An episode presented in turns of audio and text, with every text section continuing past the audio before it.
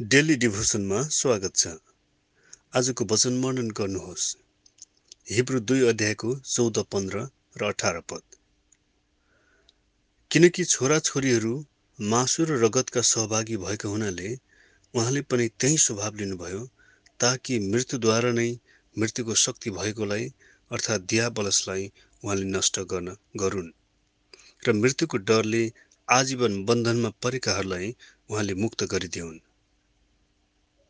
किनकि उहाँले आफैले कष्ट भोग्नुभयो र परीक्षित हुनुभयो। यसैले परीक्षामा पर्नेहरूलाई उहाँले सहायता गर्न सक्नुहुन्छ। मृत्युको शक्तिलाई कसैले जित्यो भने यीशुले जित्नुभयो। त्यसैले अब यीशुमा विश्वास गर्नेहरूको निम्ति शरीरको मृत्युको डर हटेको छ किनभने यीशु बिउताउनु भएको छ।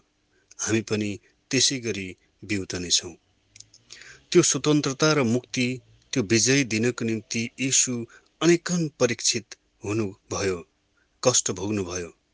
उहाँले पहिले नै सबै कुराको दुःख भोग गरेको कारण आज तपाईँ पनि ख्रिस्टको खातिर दुःख भोग्दै हुनुहुन्छ वा त्यस्तै परिस्थिति भएर जाँदै हुनुहुन्छ भने यीशुले तपाईँलाई सहायता गर्न सक्नुहुन्छ।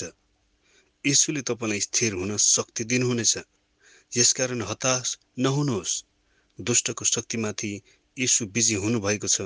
आज हामी कष्टका समयहरूमा पनि डर रहित भएर यीशुको सामर्थ्यमा जिउन सक्छौँ। आमेन।